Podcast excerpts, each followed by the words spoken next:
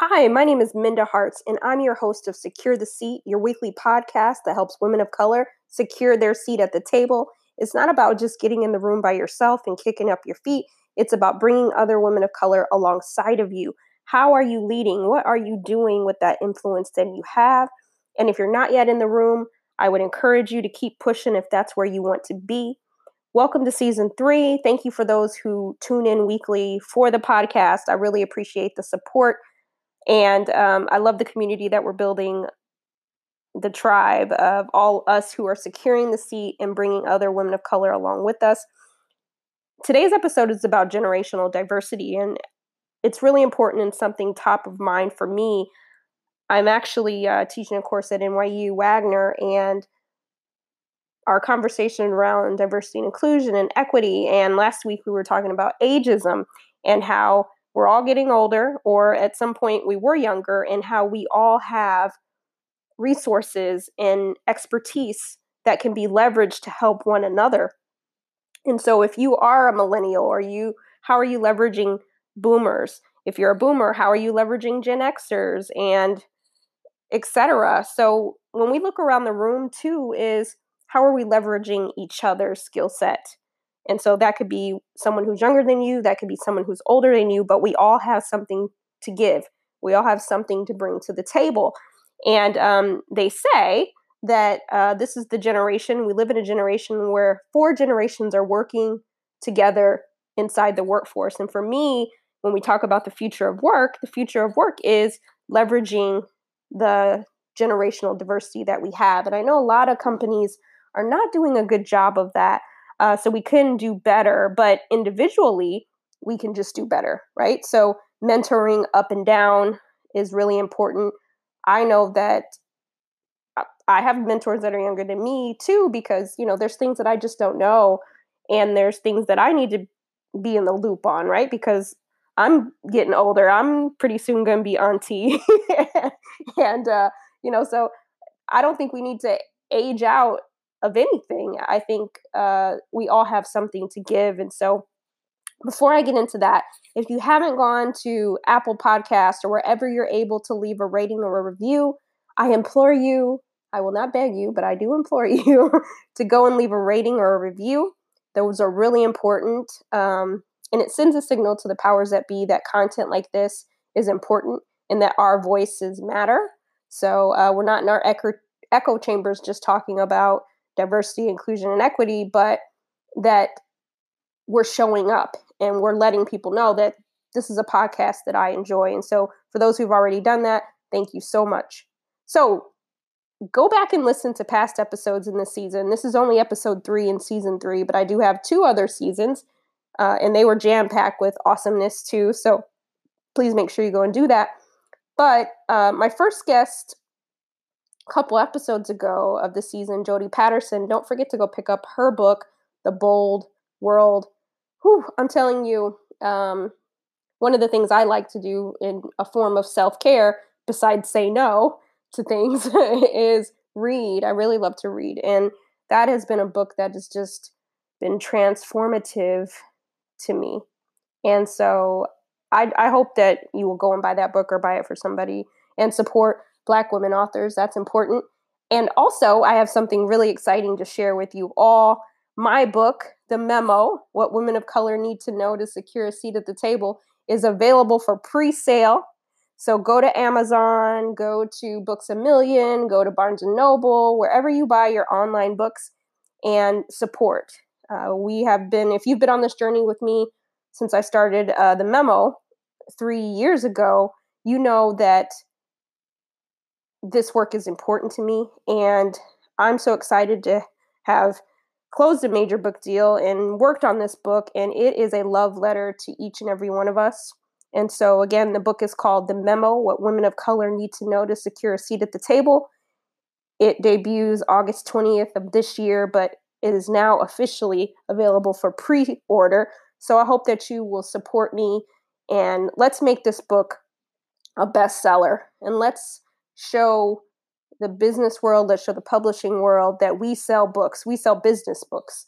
That was one of the the feedback we received when we were when I was with my agent and we were working on selling this book is that um, black and brown women don't buy business books or they don't write business books, successful business books. And so I believe that that is not true.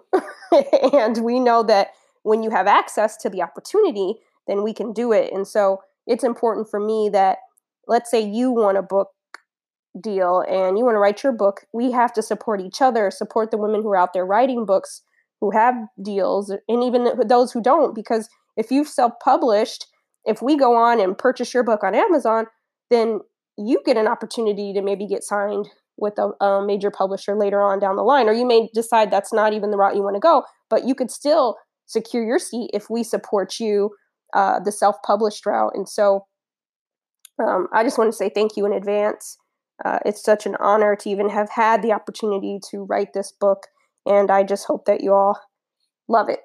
so, without further ado, we're going to talk about generational diversity today with my guest, Dorinda Walker, who is a former executive at Prudential.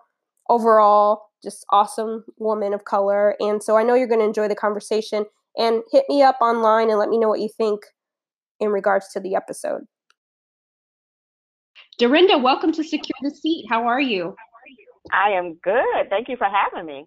I'm so excited to have you. Um, I've been following your work for years now. And so it's just a treat to have you on this season. But before we get started, I'd love for you to tell everybody a little bit more about you and your career path. Sure. So I am a now former executive at Prudential uh, Financial, where I led cultural insights and strategy for the brand. Um, I've been a multicultural marketer um, since 2012, and I'll say an award-winning multicultural marketer. Um, I wrote a proposal for the company in 2009 as to why the company should focus on women in diverse markets um, based on my passion for diversity and inclusion and to drive more diversity in our marketing and advertising, not only for um, the company, but for the industry as a whole. And that led me on to uh, becoming an author and sharing my story of how I went from a path to prison or death to leading a life of purpose which opened up another um, other gates of opportunity for me. And so I'm now retiring this year from Prudential after 20 years of service with the company um, to start my own businesses and a, a nonprofit and um, to really make an impact on the uh, marketing advertising uh, industry in a big way. Yes, we appreciate you. And you better mention award winning. we have to put that out there. so I'm glad you mentioned that. And uh, for those who, I want to give a quick plug to my brother Stephen Hart of the Trailblazers podcast. Dorinda has an excellent interview on that um, podcast. So make sure that you check that out. But today, Dorinda, I want to talk to you about generational diversity in the workplace. Um, it's been said that we have the largest diversity of generations represented in today's workplace than any other time in history. In what ways can we each embrace this divide?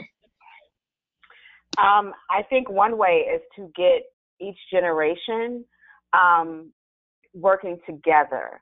So a lot of times in company, and the trend that I'm starting to see is they'll have this, uh, you know, these BRG groups, and they'll segment them out by generation. So they'll have one for millennials and Gen X um, and boomers. And I think that's a misstep because although each have their own um, unique circumstances of being in the workplace, and of course, boomers having more experience and knowledge, um, isolating those groups can be destructive to truly inc- inc- inclusive culture.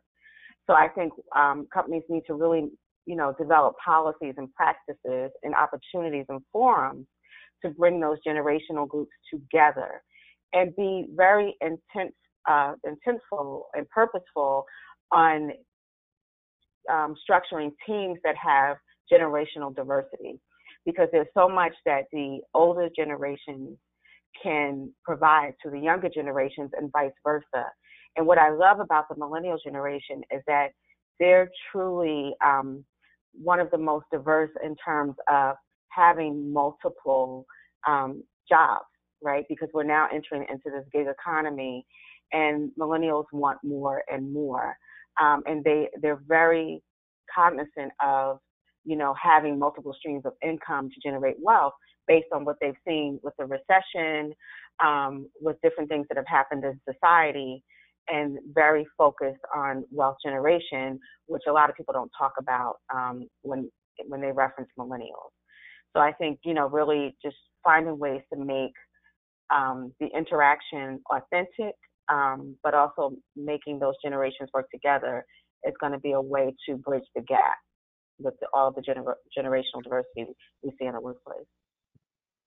I love that you mentioned uh, millennials have this, and I guess some would call me an elderly millennial, but this multi-dimensional career facet that we want to have our hands in a, in a, a couple of different things for various reasons. And so I'm glad you brought that up.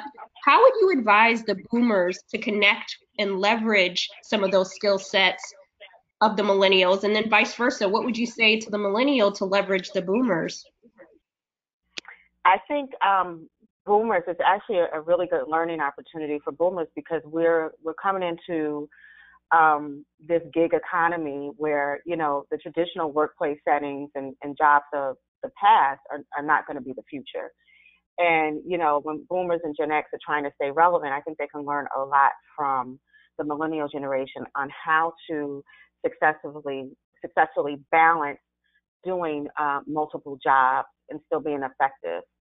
Um, so I think they have to be open. One, um, I think they have to be accepting of this new way of life um, because a lot of times we're so stuck in our old ways and our old ways of doing things that we don't embrace change. And I think you know for, first and foremost, we have to be ready to embrace change, difference of opinion, difference of thought.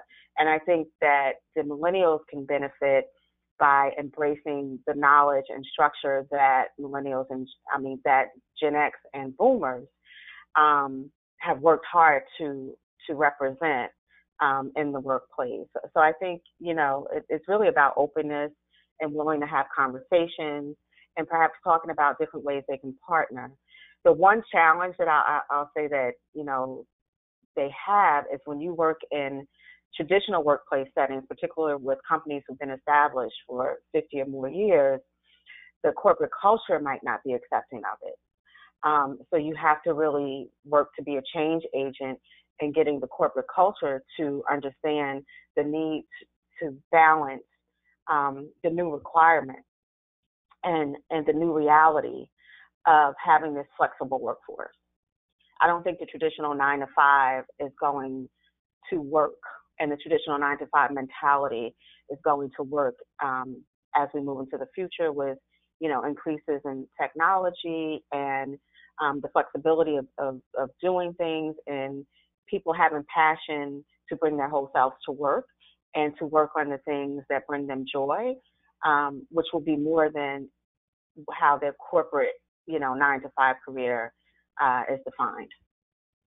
You make a lot of great points, and I'm glad that you also included the Gen Xers because we can't forget um, their contribution to the workforce as well. And you touch on a couple of points, and one I want to drill down on is companies and organizations. What can they do in their recruiting practices to eliminate some of this bias against um, boomers and Gen Xers? Because we know companies like IBM have been known to, you know, let go of their 40 and over crowd and things of that nature and kind of saying to them, hey, there's still a lot of talent left in, in all of these generations. Exactly. Well, you know what? I think they should, you know, join organizations and actively recruit um, people who are part of organizations that are of a certain age. I think that's the way that they can show their support. Um, you know, I think, you know, advertising different uh, positions on AARP um, with different organizations like um, the Divine Nine, um, professional groups, and things like that would be a great way to show that they're really interested in supporting a diverse workforce in terms of age and uh, race and gender. Um, I think that's really important. And, you know, I think, you know, making sure that they have a balance of ger- generational diversity in the workplace is important because if everyone is of the same mindset from the same generation, it doesn't foster innovation. And I think, you know, the more diversity you have in terms of experience, uh, background, and, and age, quite frankly, um, the, the better you're, you're going to be at creating um, new opportunities for the business and sustaining a competitive advantage. Yes, I, I agree with that. I think there's a lot of resources out there that companies just have to think outside of the box. Like you said, AARP and some of those other um, companies are great resources. You know, that leads me to ageism, and we've been touching a little bit on that. And sometimes I have women write to me who are, uh, you know, in a prime of their career, they're in their 50s and, and above, and they feel like some of these companies are have kind of counted them out. What advice would you give to them not to lean out and to keep pushing forward and going after their career goals? I may I may be an anomaly, but I'm all about creating your own promotion. so, you know, in my 20 years in corporate America, most of my promotions have came from me creating a, a specific job for myself, not fitting in to the box um, that that job description said that I needed to do, and you know to d- try different things that would put me on a different playing field um, than my peers. And if I felt like I wasn't getting the um, recognition, um, making sure that I had a seat at various tables in front of decision makers, making sure that I put green chips in the pockets of those decision makers so that they were advocating and sponsoring me behind closed doors. Um, and then also, if you're not finding that satisfaction in the workplace, I would implore people to try to create opportunities outside of the workplace for, for themselves. So, you know, people call me the ultimate entrepreneur because I was able to create my own niche and my own job um, in a Fortune 50 company. But I was also able to work on different endeavors outside of corporate America, which opened up uh, an array of different opportunities for me that I never thought possible in my career. So, you know, it's two things. It's making sure that you're standing out, that you're networking with the right people, the influencers, the power players and decision makers in corporate America, but also creating a niche outside of, of corporate America and establishing a brand for yourself based on those things that you're passionate about and putting in the work. That's a word for all of us. I love that. The ultimate entrepreneur. and we can, we have the ability to create our own. So I'm glad you shared that story. And and that leads to my last question for you. As many of our listeners are women of color, how can we leverage each other in this generational, um, what some might call a divide, so that we can leverage one another um, as we secure our seat at the table? I think we have to be supportive of one another and be open to work together. There's a lot of competitive competitiveness, um, and I'm a firm believer that your blessing is yours and my blessing is mine. So I don't think that we need to compete with each other all the time.